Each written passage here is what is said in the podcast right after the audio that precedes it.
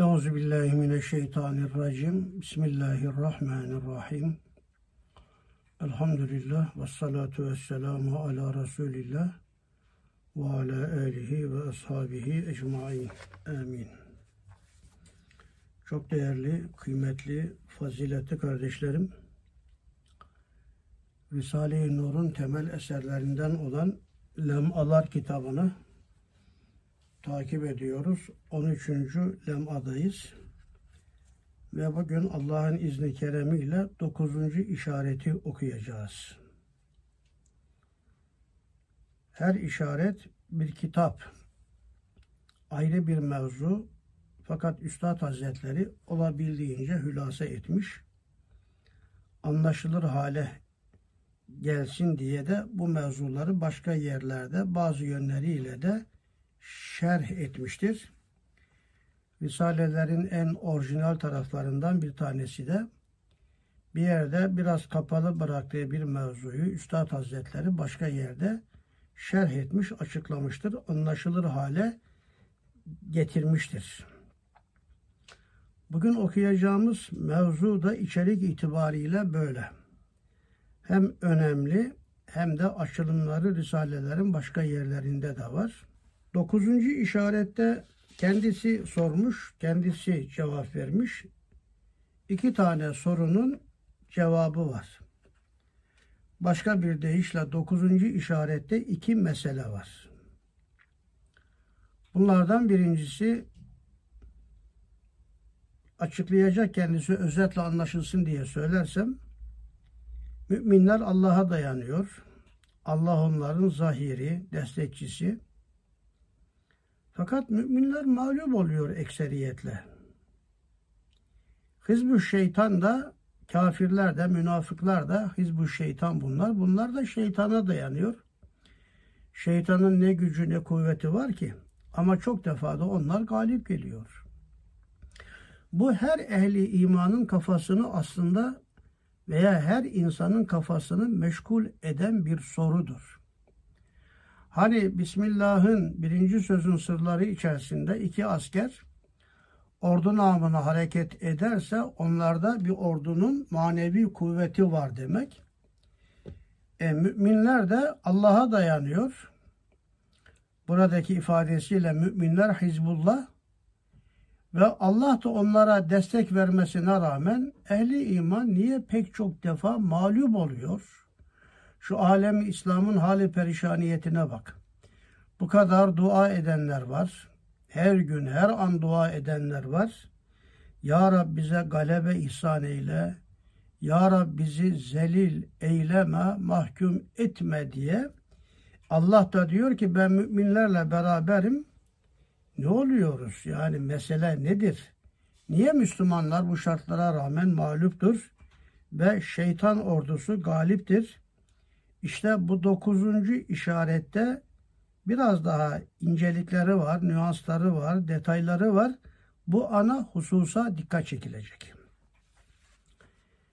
İkinci soruda ise yedinci lemada kısmen izahı geçmişti bunun.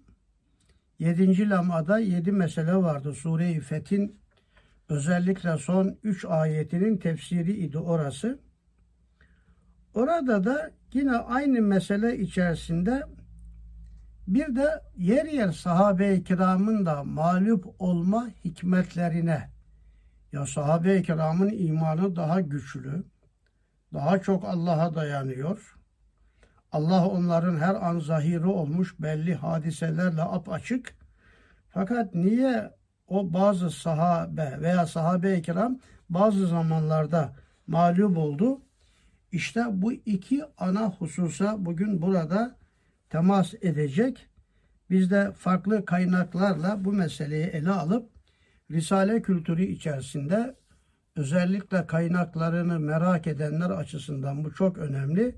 Kaynaklarıyla beraber bu hususu bir beraberce anlamaya çalışacağız. Öncelikle burada Hizbullah olan ehli hidayet tabiri var. Bir de hizbu şeytan olan ehli dalalet. tabiri var. Hizbullah nedir? Hizbuş şeytan nedir? Kur'ani ölçüler içerisinde önce bu kavramlar üstünde biraz durmakta fayda vardır. Kur'an-ı Kerim'de hizb kelimesi çok geçer. Hatırlarsanız böyle 5 sayfada, 10 sayfada, bir sayfaların kenarında da hizb yazar.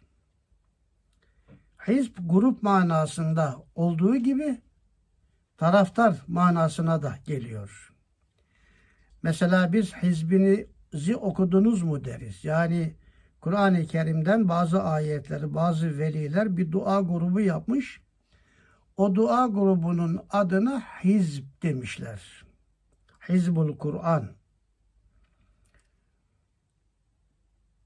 Evet, tekrar edeyim. Hizb bir manasıyla da taraftar demektir. Hizbullah tabiri Kur'an-ı Kerim'de geçer. Bir Maide suresi 56. ayette geçiyor. Emen yetevellallaha ve rasulehu vellezine amenu fe inne hizballahi humul galibun fe inne hizballahi humul galibun yani kim Allah'ı, peygamberi ve iman edenleri veli edinirse vekaletimizi Allah'a, peygambere ve müminlere verir, onlarla dost olursak bilsin ki Allah'tan yana olanlar mutlaka galip geleceklerdir. Allah taraftarları Hizbullah mutlaka galip gelecektir. Maide suresi 56. ayette bu hususa dikkat çekilmiştir. Bir de Mücadele suresi 19. ayette de Hizbu şeytan var. İstahfez aleyhimü şeytanı fe ensahum zikrallahi ülaike hizbu şeytan ela inne hizbe şeytani humul hasirun ayeti. Şeytan onlara hakimiyeti altına alıp kendilerine Allah düşüncesini unutturmuştur. Şeytan saltanatında, hakimiyetinde altında olan kimseler Allah düşüncesini unutur. Allah var, inanıyor gibi ama sanki yokmuş gibi hareket eder. Ve Allah'ı kale almadan, emirlerini kale almadan yaşar.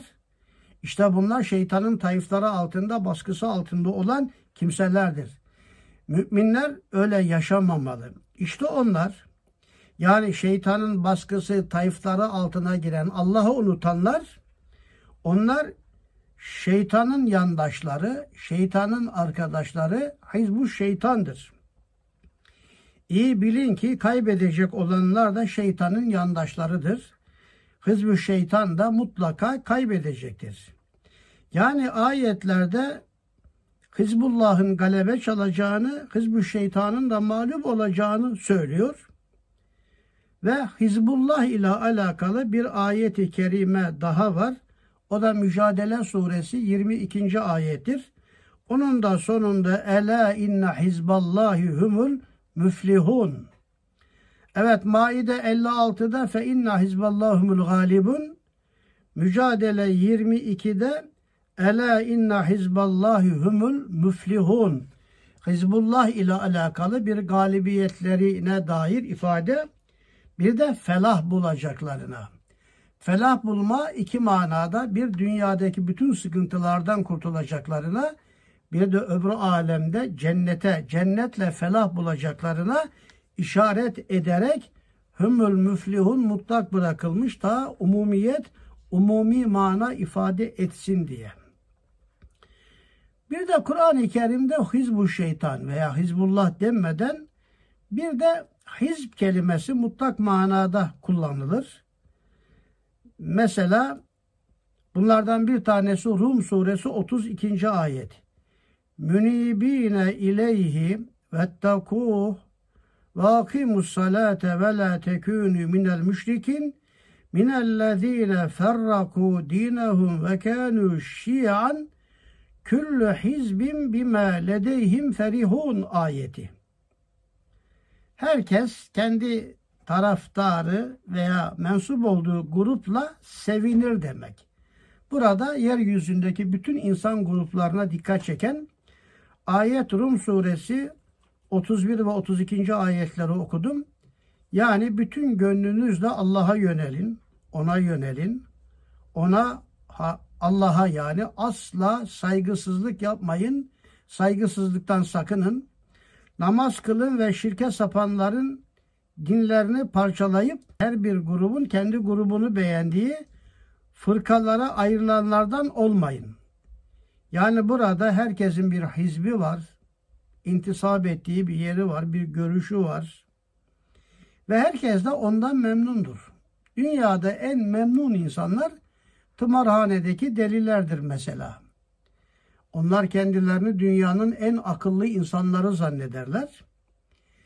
Zaten bir insan fikrinden, zikrinden, düşüncesinden Allah'ı inkar eden ateistler bile kendi fikirlerinden memnun olmasalar dünyada kafalarını yerler. Yani çıldırırlar. Bir bu manada Kur'an-ı Kerim'de böyle genelde hizb manası var. Bir de aynı manada hizb manasında Kur'an-ı Kerim'de az önce Rum 31-32'yi okudum. Bir de Müminun suresi 52 ve 53. ayetlerde de Külle hizbin bime ledeyhim ferihun aynı manada Rum suresindeki gibi yani herkes kendi görüşü ve kendi taraftarıyla olmaktan onların muvaffak olma, muzaffer olmasından mutlaka çok memnundur. İki surede bu genel hizb kelimesi var. Maide 56 ve mücadele 22'de Hizbullah'ın galip geleceği veya felah bulacağı ifadesi var. Ve bir de Mücadele Suresi 19. ayette de Hizbu Şeytan tabiri kullanılmıştır. Bu ayrımları bilmek lazım ve biraz daha bu mevzu üstünde durmalıyım. Hizbullah Allah taraftarı demek. Bugünkü siyasi örgüt manasında değil. Türkiye'de doğuda PKK'yı istihbarat teşkilatı yani devlet kurdurmuştur aslında bunu herkes söylüyor. E PKK ile bir de onun karşısında dindar bir grup olsun bir de Hizbullah'ı da devlet kurdurmuştur. Özellikle doğu illerimizde oldukça yaygın. Bunlar çarpışsınlar ve sonra devlet hala hakem olmaya devam etsin. Aslında bütün mesele devletin bu. Aslında memleketi bölen parçalayan devletin ana siyasetidir. O manada Hizbu Şeytan veya Hizbullah değil. Bir de Lübnan'da Hizbullah diye bir parti var. Kur'an-ı Kerim'in kastettiği Hizbullah bunlar değil. Bunlara biz Hizbu Şeytan da diyebiliriz. Adam öldürüyor haksız yere. Bunlar Hizbu Şeytan. Kur'an-ı Kerim'in kastettiği Hizbullah Allah askerleri, cündullah manasında. Nitekim Kur'an-ı Kerim'de cündullah kelimesi de çok geçer. Allah ordusu, ordu deyince yine askerlik manası gelir akla. Ve Hizbullah Allah taraftarları demektir. İman taraftarı, İslam taraftarı, Kur'an taraftarı, peygamber taraftarı, o inancın taraftarı olanlara Hizbullah deniyor. Hizbu şeytan da Allah düşmanı ve Allah taraftarlarının dışında kalan ne kadar varsa bunlar da şeytanın taraftarları. Hizb kelimesi taraftar manasında kullanmıştır. Kullanılmıştır. Değerli kardeşlerim taraftarlığın bir gerekliliği vardır. Mesela adam Galatasaray taraftarı. Fenerbahçe taraftarı. Hizbu Galatasaray, Hizbu Fenerbahçe diyelim. Adam kar yağarken bile kışın soğukta ta saatler öncesinden stadyuma gidiyor. Galatasaray'ı taraftarı ya destekleyecek. Orada soğukta hatta üşüdüğünü bile fark etmez. Kar yağdığını bile fark etmez. Seyirciler o kadar o işte fanidirler ki bağırırlar, haykırırlar, boşalırlar, hatta dövüşürler. Karşı tarafla. Hatta tam karşı tarafın kalesinin önünde Mesela Galatasaraylı bir futbolcu topa vurdu, vuracak ve gol olacak iken taraftarlar öyle heyecanlanır ki onlar da ayaklarıyla öndeki arkadaşının kafasına vururlar tekmeyi. Gol olduğu zaman o öndeki adam bakmaz bile. Gol oldu ya tekme yesem de kafamdan fark etmez yani. Helal olsun, olsun makamında yaşar. Anlaşılsın diye güncelden misal verdim. Aslında biz ne kadar Allah taraftarıyız. Allah için, Allah davası için ne kadar sokaklarda veya gerektiğinde soğuk altında, kar altında mahrumiyetler içerisindeyiz. Bunun üstünde durmak lazımdır. Bu hizb kelimesi, taraftar kelimesiyle alakalı şöyle bir menkıbemsi vak'a anlatılır. Nemrut Hazreti İbrahim Aleyhisselam'ı ateşe atınca Babil medeniyetindeki bütün insanlar 5 sene odun toplamışlar.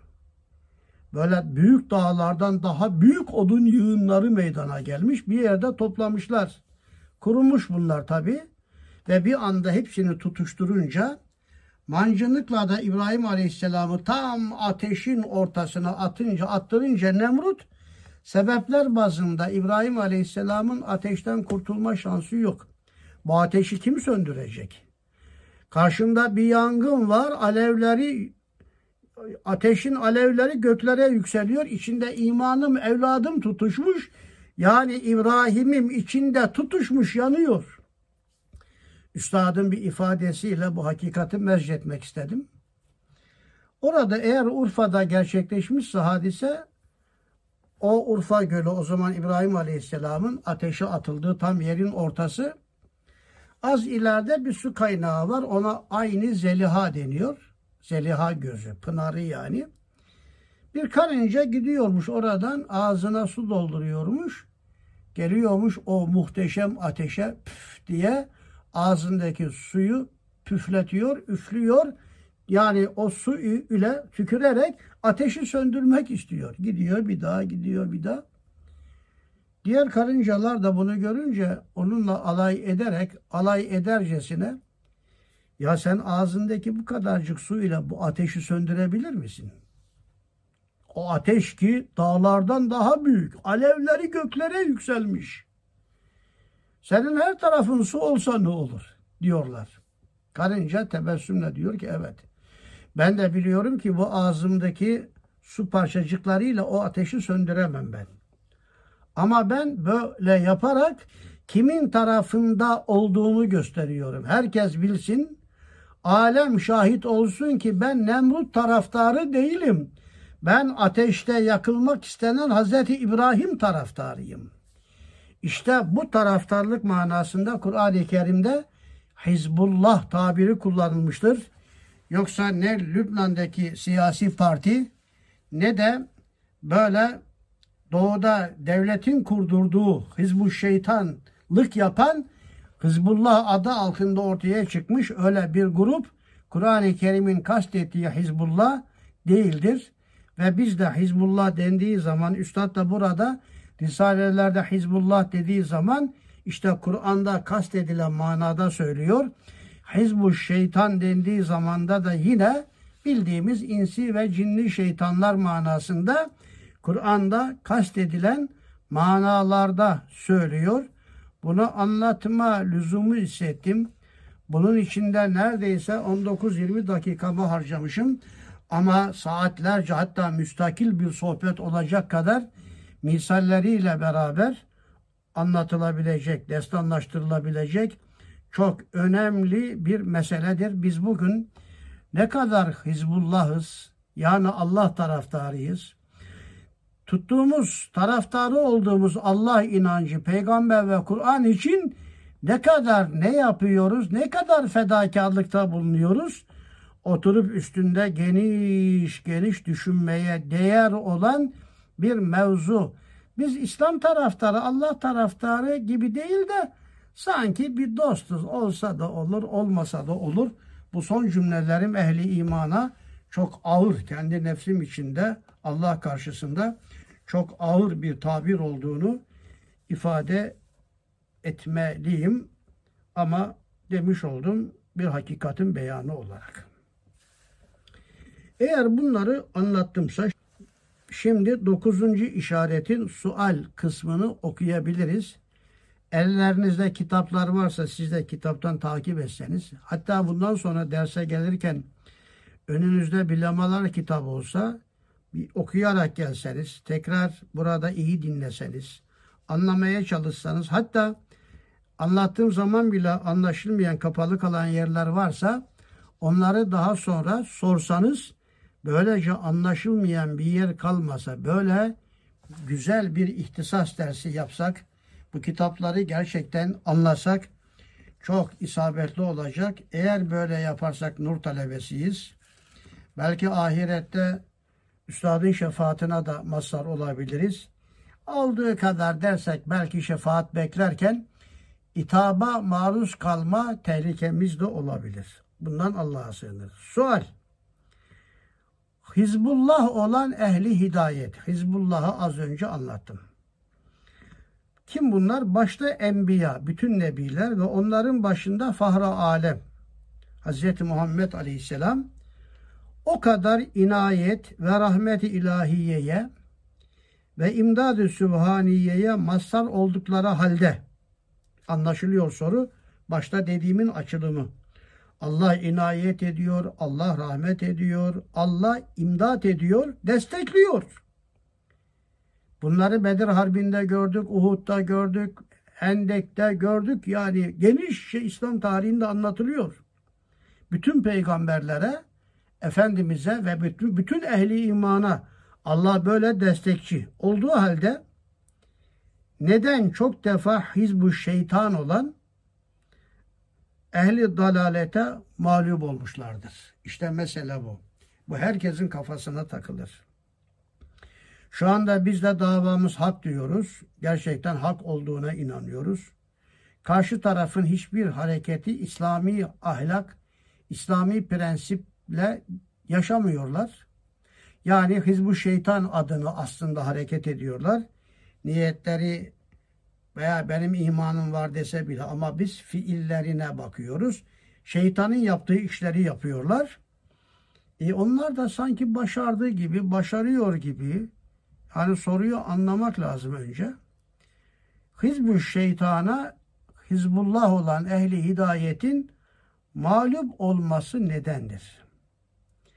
Hem Hatemül Enbiya'nın güneş gibi parlak nübüvveti yani güneş var diyorum ben. Adam diyor ki ispat et. Ulan kör müsün?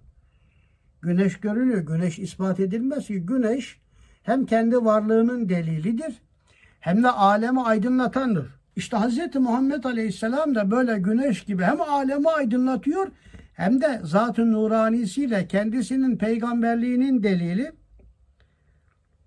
ve iksir-i azam gibi Efendimiz Aleyhisselam hemen tesir ediyor. Tesirli i'cazu Kur'ani vasıtasıyla irşadı ve cazibe umumiyeyi kainattan daha cazibadır. O kadar cazip ki nasıl güneş cazibesiyle gezegenleri etrafında döndürüyor. Efendimiz Aleyhisselam'ın da böyle güneşten daha müthiş bir cazibesi var. İnsanlar etrafında dönüyorlar. Böyle olması Hakaiki Kur'aniyenin komşuluğunda ve yakınında olan Medine münafıklarının dalalette ısrarları, hidayete girmemeleri ne içindir, hikmeti nedir? Soru son tarafında bir başka mecraya da girdi. Hem mağlubiyet hem de özellikle Efendimiz Aleyhisselam'ın karşısındaki münafıklar Kur'an'da okuduk.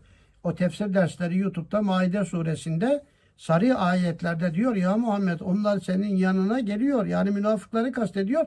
Kafir geliyorlar ama çıkarken de kafir gidiyorlar. Ya güneşleri buzları eriten Efendimiz Aleyhisselam'ın bu iksiri, bu tesir gücü olmasına rağmen o münafıklar niye iman etmediler ki? Sahabe-i kiramın içinde üçte bir münafık vardı. Efendimiz Aleyhisselam bin kadar insanla çıktı Medine'den Uhud'a doğru. Yolun tam yarısında bir yerde 300 küsur tane insan belli mazeretlerle ayrıldılar. Yani bunlar münafıktı. Üçte bir münafık. İşte bir münafık Efendimizin huzuruna giriyor, mucize görüyor, Efendimiz'i dinliyor ama iman etmiyor, inanmaması ve hikmeti nedir bunun? Günümüzde de vardır. Çoklarının da aklına geliyor filan filan filan talebelik yapmış, yanında hocalık yapmış ama niye kaymış? E işte yani mesele bu.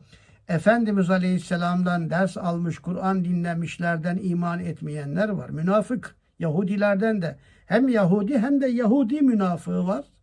Başka münafıklar var. Ve hatta inandığı halde sonra imandan çıkan mürtetler de olmuş. Demek ki olabiliyor yani. O çok büyük zatın haşa beceriksizliğinden, haşa tesir edememesinden filan değildir bu. Bunun hikmetini de soruyor. El cevap bu iki şık müthiş sualin halli için. Diyor, diyor ki Üstad burada iki tane soru var. Evet siz de fark ettiniz. Bir galip olmalarının hikmeti. iki o kadar Efendimiz Aleyhisselam'ın huzurunda bulunmalarına rağmen inanmamalarının hikmeti. İki soru aslında. El cevap bu iki şık müthiş sualin halli için derince bir esas beyan etmek lazımdır. Şöyle ki, acayip bir şey.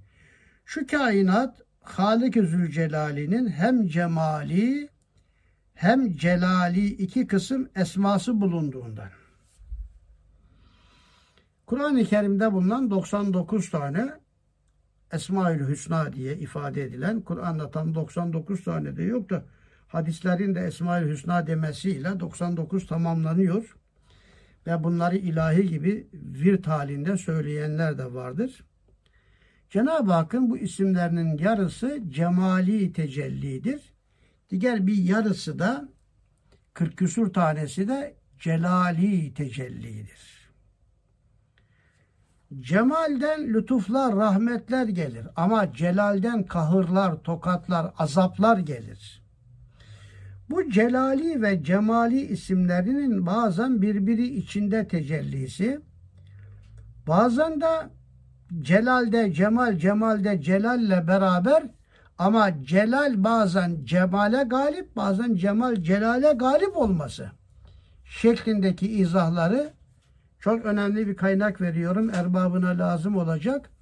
17. sözün birinci makamında bu meseleyi üstad çok müthiş bir mantıkla ele almış ve onu yedi mertebesiyle orada yedi mertebe halinde izah etmiştir. Orada bir açılım daha kazandırıyor. Bir ayette Cenab-ı Hak ve rahmeti vesiat külle şeyin buyuruyor. Benim rahmetim her şeyden daha geniştir. O zaman Allah'ın rahmeti her şeyden daha genişse, şimdi Üstad kendi sormuş, kendi cevap veriyor. Ölümler, belalar, musibetler, zelzeleler, tayfunlar, tufanlar, hatta kabir azabı, hatta cehennem Allah'ın bu şumullu rahmetini daraltmıyor mu? Bu ayet ve rahmeti ve siat külle şeyin ayeti Araf suresi 156. ayet. Binaenaleyh bu musibetler, belalar bunlar da Celali, Celal isminden Celali, Celali isimlerden gelen tecelliler. İkisi birbirini naks ediyor gibi. Aslında naks etmiyor, boşa çıkartmıyor. İşte bu celal ve cemal tecellileri iç içe olduğu gibi bazen müminler de kafirler Bazen müminler içinde münafıklar inanmadığı halde müminler içerisinde bulunabilir. Müminler cemali tecellilere, kafirler de münafıklar da celali tecellilere mazhardır. İç içi olabilir. Burasını okuduğunuz zaman yedi merhale halinde bu meseleyi anlatıyor. Okumanızı tavsiye ediyorum. Bu inceliği anlamazsanız Allah'ın celali mesela kahhar ismine maruz kalmış. Allah'ın cebbar ismine maruz kalmış kafir münafık inanma kabiliyetini kaybetmiş. Peygamberin yanında olsa da inanamaz. Bu peygamber için bir nakise değildir. Haşa rahmette de bir noksanlık yoktur. Yani bu inceliğe temas ediyor. Şu kainat Halik-i Zülcelal'inin hem cemali hem celali iki kısım esması bulunduğundan bunları ben şunlar cemali isimler, şunlar celali isimler diye çıkartmıştım. Şu anda önüme koymamışım ama Facebook sayfama koyacağım Allah'ın cemali isimlerini, celali isimlerini oradan tek tek o saydığımız 99 isim içerisinden hangileri celali, hangileri cemali oradan göreceksiniz inşallah. İki kısım esması bulunduğundan ve o cemali ve celali isimler hükümlerini ayrı ayrı cilvelerle göstermek iktiza ettiklerinden cemali tecellilerin cilvesi tecelli şekli ayrı, ötekiler ayrı. Halik-i Zülcelal kainatta ezdadı birbirine merc edip esma ilahiye birbiri içinde tecelli ettiği için dikkat buyurun zıtlar birbirine girmiş. Sıcaklık, soğukluk, tatlı, ekşi, melek, şeytan iç içe girmiş ve birisinin diğerinin içine girmesine göre de onda dereceler olmuş. Çok tatlı diyoruz, az tatlı, çok tatlı. Neye göre? Ekşinin o tatlının içine girmesine göre tatlının dereceleri var. Çok soğuk, çok sıcak. Niye göre çok sıcak? Soğukluğun, sıcaklığın içine girmesine göre çok sıcak veya az sıcak ortaya çıkıyor.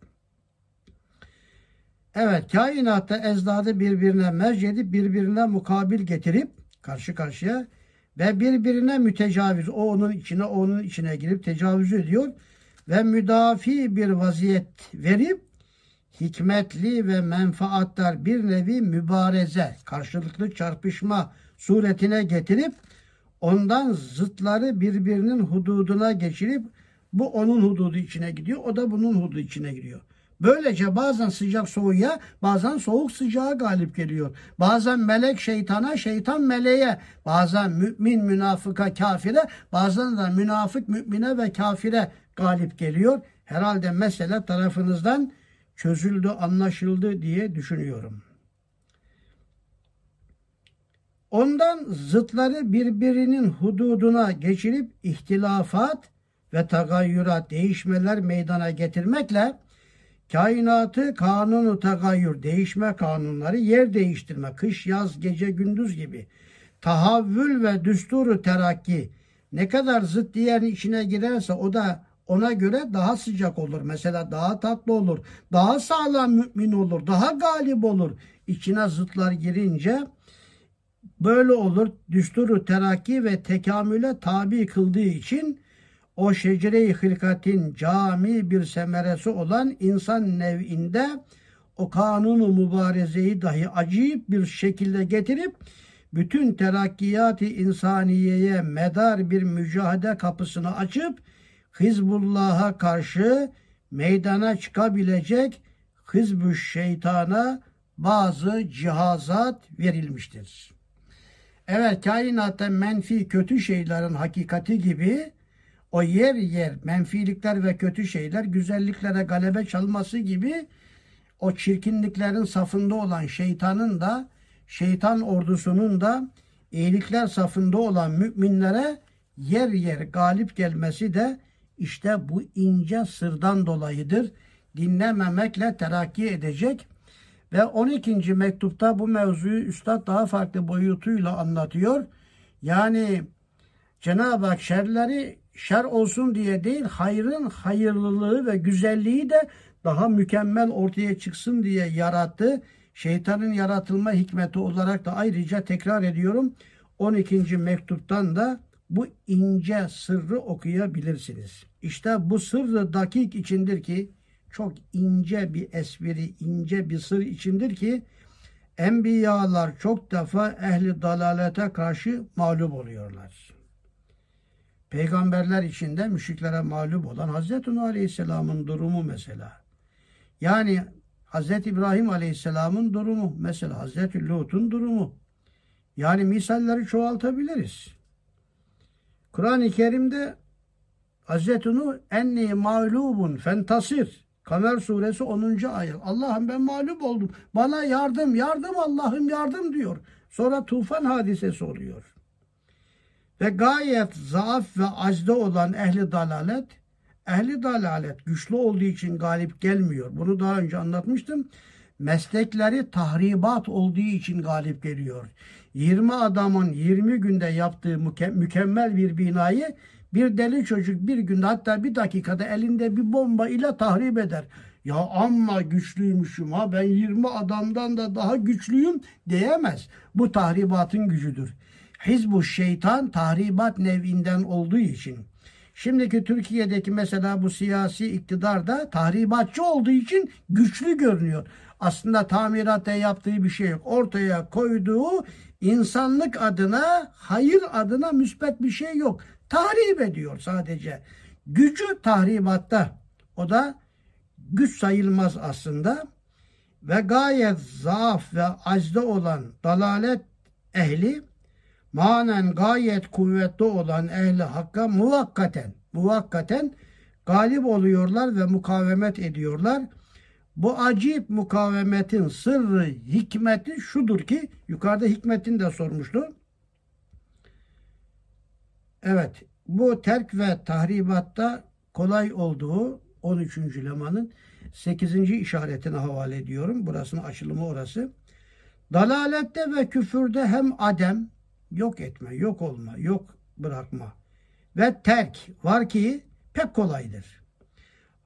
Hareket istemez. Yani müsbet bir şey yapmaya gerekmez. Mesela patlıcan, biber, domates yemek istediniz. E, fidan yetiştirdiniz. Mevsimi geldi.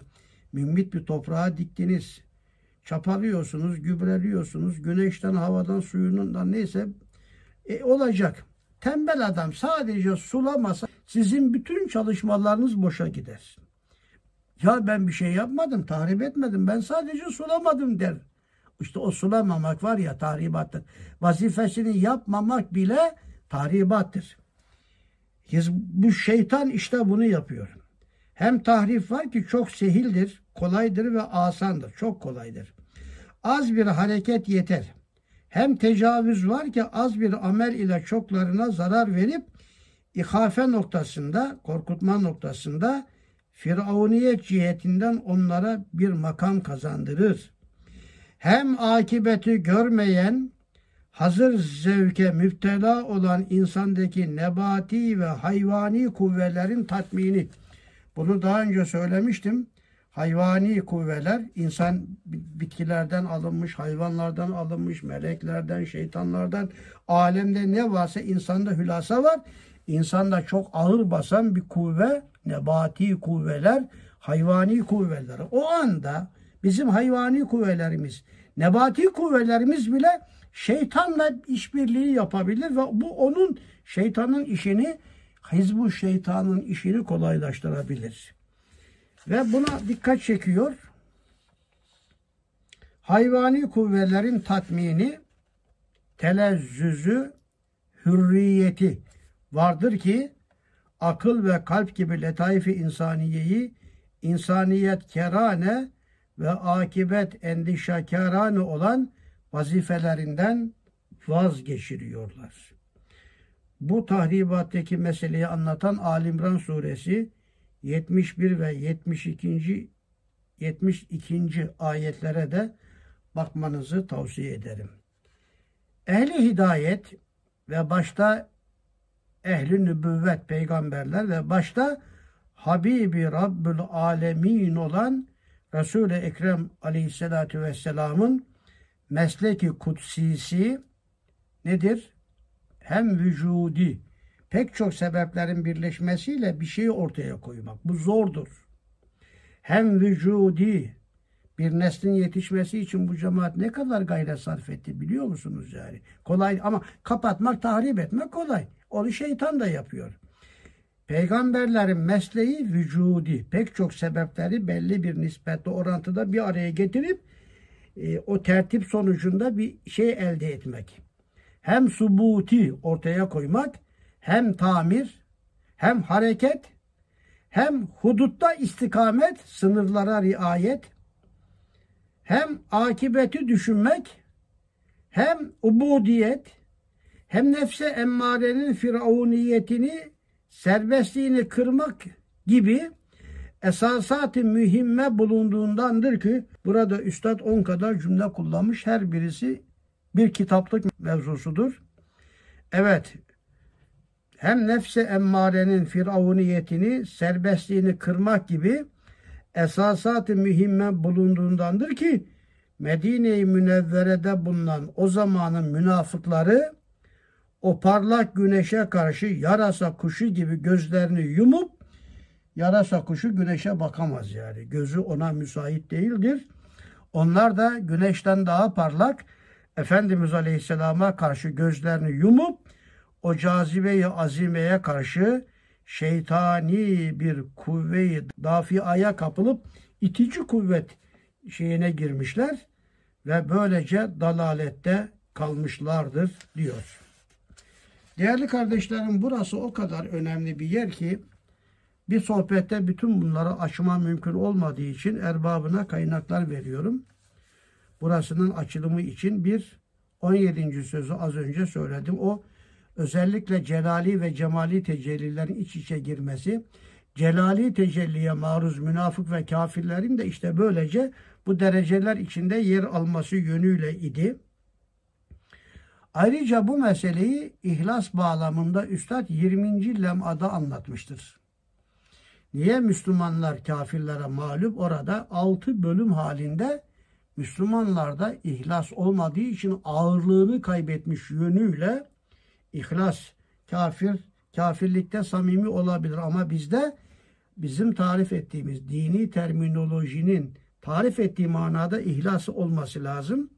Onun için oraya okumanızı arzularım. Bir de bu sözlerin arkasında çok önemli bir yer veriyorum. Aslında bugün burasını okumak istiyordum. Lemaatta el hakku ya'lu bizzat hem akibet murattır diye bir hadis-i şerifin dört mertebede izahı var. El hakku ya'lu ve la yula aleyh bir hadisi şeriftir. Hak daima galebe çalar, hakka galebe çalınmaz. Buhari, Cenayiz, Taberani, Mucemül Evsat'ta bu hadisi şerifi bize nakletmiş. Pekala madem hak daima galip biz hakkın salikleri değil miyiz yani biz niye galip değiliz? İşte burada üstad hem akibet murattır diyerek şöyle bir soru sormuş. Ey arkadaş bir zaman bir sail dedi soran. Madem el hakku yalu haktır, hak daima galebe çalar. Neden kafir Müslüme kuvvet hakka galiptir? Dedim dört noktaya bak bu müşkil de hallolur. Vaktim olmadığı için bu dört noktayı okuyamayacağım. Ama kaynak olarak verdim lütfen okuyunuz. Ama mutlaka okuyunuz. Ayrıca üstadın eski Said dönemi eserlerinden olan münazaratta benim elimdeki bu farklı şekilde basılmış olan münazaratta 119. sayfada ama her münazarat kitabının arka tarafına doğru vardır. Şöyle bir soru var. Zindana atalete düştüğümüzün sebebi nedir? Niye biz tembellik zindanına düştük? Tembel tembel sonra mağlubiyet zindanlarına düştük. Niye mahkumuz? Niye rezil? Niye zeliliz diye sormuş ve burada dokuz mesele içinde bu hususa dikkat çekiyor. Bunu da okumaya şu anda vaktim müsaade etmeyecek ama mutlaka okumalısınız ve bunu bu dokuzuncu işaretin birinci sorusu içinde iki şıkla anlatılan yönüyle ele almalısınız. Şimdi bu dokuzuncu işarette bir soru daha var. Eğer denilse Resul-i Ekrem aleyhisselam madem Habibi Rabbul Alemin'dir. E elbette öyle yani. Tirmizi'de de var bu istü ena rahmeten ifadesi. Ve ma erselnake illa rahmeten lil alemin ayeti var. Madem resul Ekrem aleyhissalatu vesselam Habibi Rabbul Alemin'dir. Hem elindeki hak ve lisanındaki hakikattir. Biz Kur'an'ı hak olarak indirdik. O da hak ve gerçek. Gerçeğin ta kendisi olarak indi. Ayet bu. Evet. Ve bir avuç su ile bir orduyu sular. 19. mektupta geçiyordu bu. 8. işarette. Oradan bakarsınız misalleri.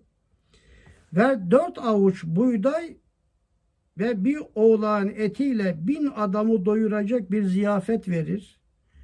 Bu da yedinci işarette geçti 19. mektupta. Ve küffar ordusuna gözlerine bir avuç toprak atmakla şehetil vücuh diyor. Her bir toprak kum parçası bir askerin, düşman askerinin gözüne, kulağına, develerine, atların gözüne, kulağına, burnuna giriyor ve ordu o kum tanesinin her birisi bir el bombası gibi oluyor. Düşman ordusu tarumar olup gidiyor. Ve küffar ordusunun gözlerine bir avuç toprak atmakla o bir avuç topraktan her küffarın gözüne bir avuç toprak gitmesiyle onlar kaçırır. Ve daha bunun gibi bin muciza sahibi olan bir kumandan Rabbani Efendimiz Aleyhisselam yani nasıl oluyor? Uhud'un nihayetinde ve Huneyn'in bidayetinde mağlup oluyor. Az önce söylemiştim tekrar ediyorum. Bu hususun izahı arkadaşlar 7. lem'ada da anlatılmıştı. Hatırlayacaksınız 7. lem'ada Fecale min dûne zelike fethan karibe ayetinin tefsiri olan bölümde mühim bir sual. 7. lemaya döndüm. Fahrul Alemin ve Habibi Rabbül Alemin Hazreti Resul-i Ekrem'in aleyhisselam sahabelerinin müşrikine karşı Uhud'un nihayetinde Huneyn'in bidayetinde mağlubiyetinin hikmeti nedir? Oradaki sorunun biraz daha farklı bir şekilde burada sormuş. Burada orada sahabenin mağlubiyeti, burada Efendimizin mağlubiyeti gibi meseleyi ele almış. Ama aynı mantık ve cevabı aynı olacak. Efendimiz Aleyhisselam Uhud'un nihayetinde, Huneyn'in bidayetinde mağlup oluyor. Niye Allah desteklemiyor, mağlup oluyor manasında burada soruyor. Yedinci lemada ise hikmetini sormuş.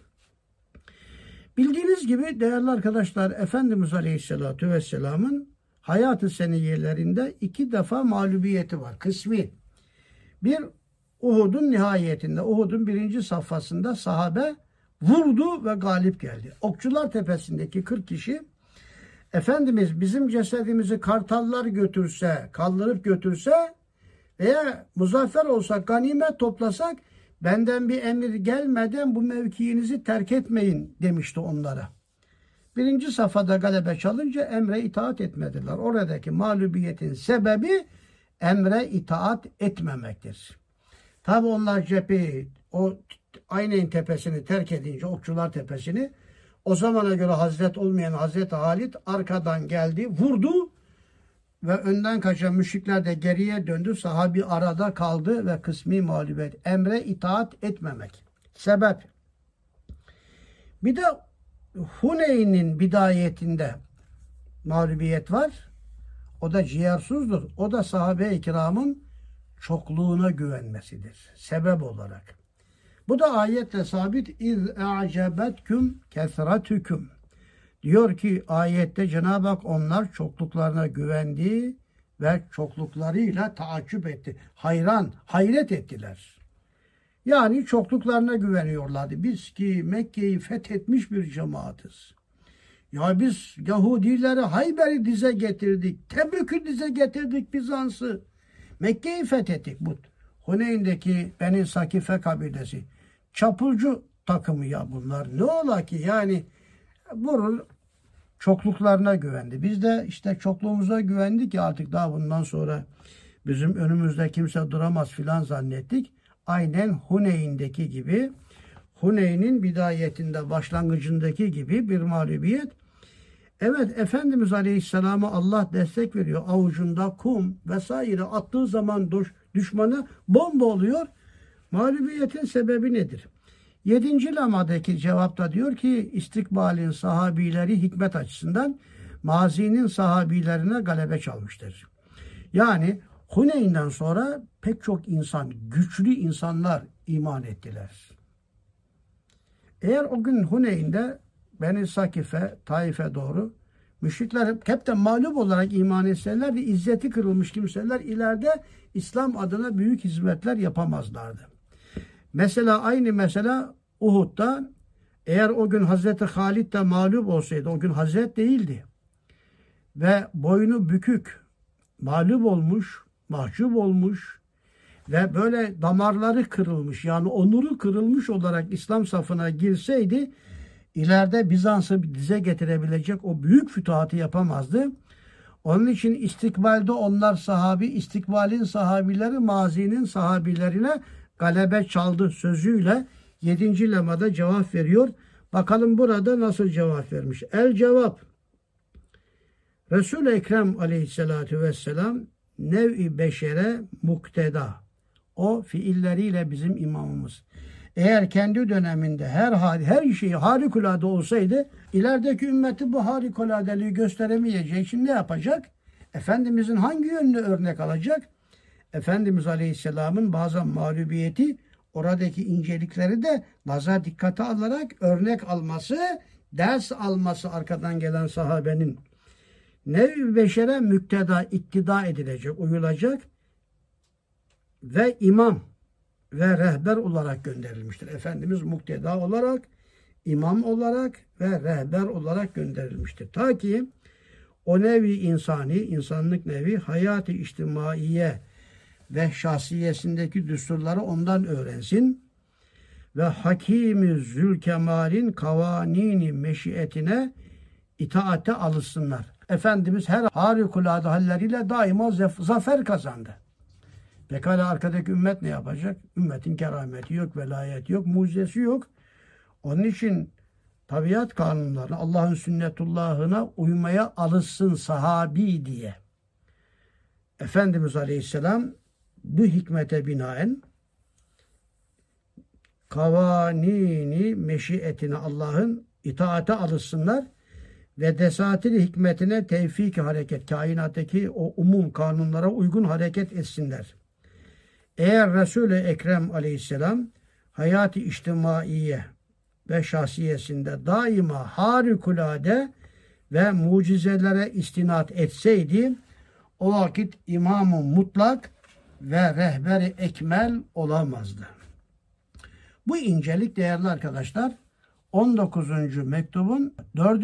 nükteli işaretinde de anlatılır. 6 esas halinde. Oraya bakın. Efendimiz Aleyhisselam'ın beşeriyete beşerden gelmesi, beşer gibi davranması, bazen sabah namazına kalkamaması, bağışlayın bazen gece cünüp olması, işte bütün bunlar fiilleriyle bize imam olduğunu göstermek içindir. Yani bizim seviyemize tenezzül buyurmasındandır. Tekrar ediyorum. Dördüncü nükteli işaretteki 19. mektupta altı esası iyice kavrarsanız ki Fakir'in YouTube kanalında bunlar genişçe anlatılmış. Üstünde de hangi ders olduğu yazıyor. Oradan da dinleyebilirsiniz elbette ama oldukça önemli. İşte bu sır içindir ki yalnız davasını tasdik ettirmek için ara sıra indel hace münkirlerin inkarını kırmak için mucizeler gösterirdi. Efendimiz sürekli mucize göstererek düşmanı mağlup etseydi fiilleriyle ümmetine imam olamazdı. Sair vakitlerde nasıl ki herkesten ziyade evamiri tekviniyeye itaat etmiştir. Zırh giymiş mesela. Efendimiz Aleyhisselam.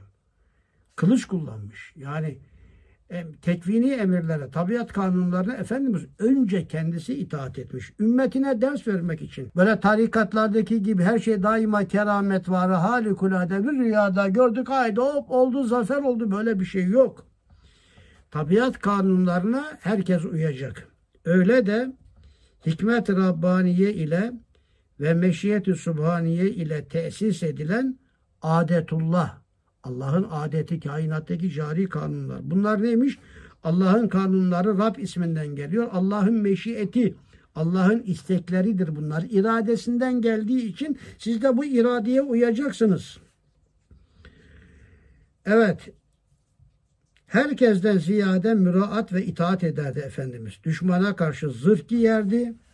Aşağıda kaynak vermiş. Ebu Davud Cihat İbn Mace Cihat Ahmet İbn Hanbel Müsned'de sipere giriniz emrederdi. Buhari Megazi Cihat Kader Buhari üç yerde bir de temennide dört yerde bu hadis-i şerifi nakletmiş.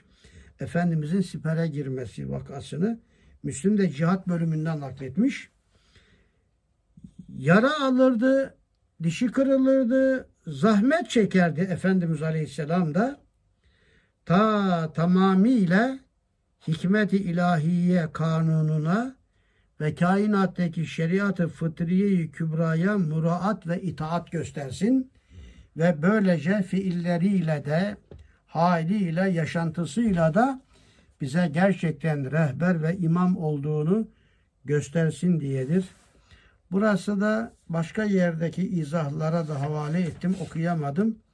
Evet herkesin kafasına takılabilecek, soramasa bile içini meşgul edecek önemli ama çok önemli bir yerdi.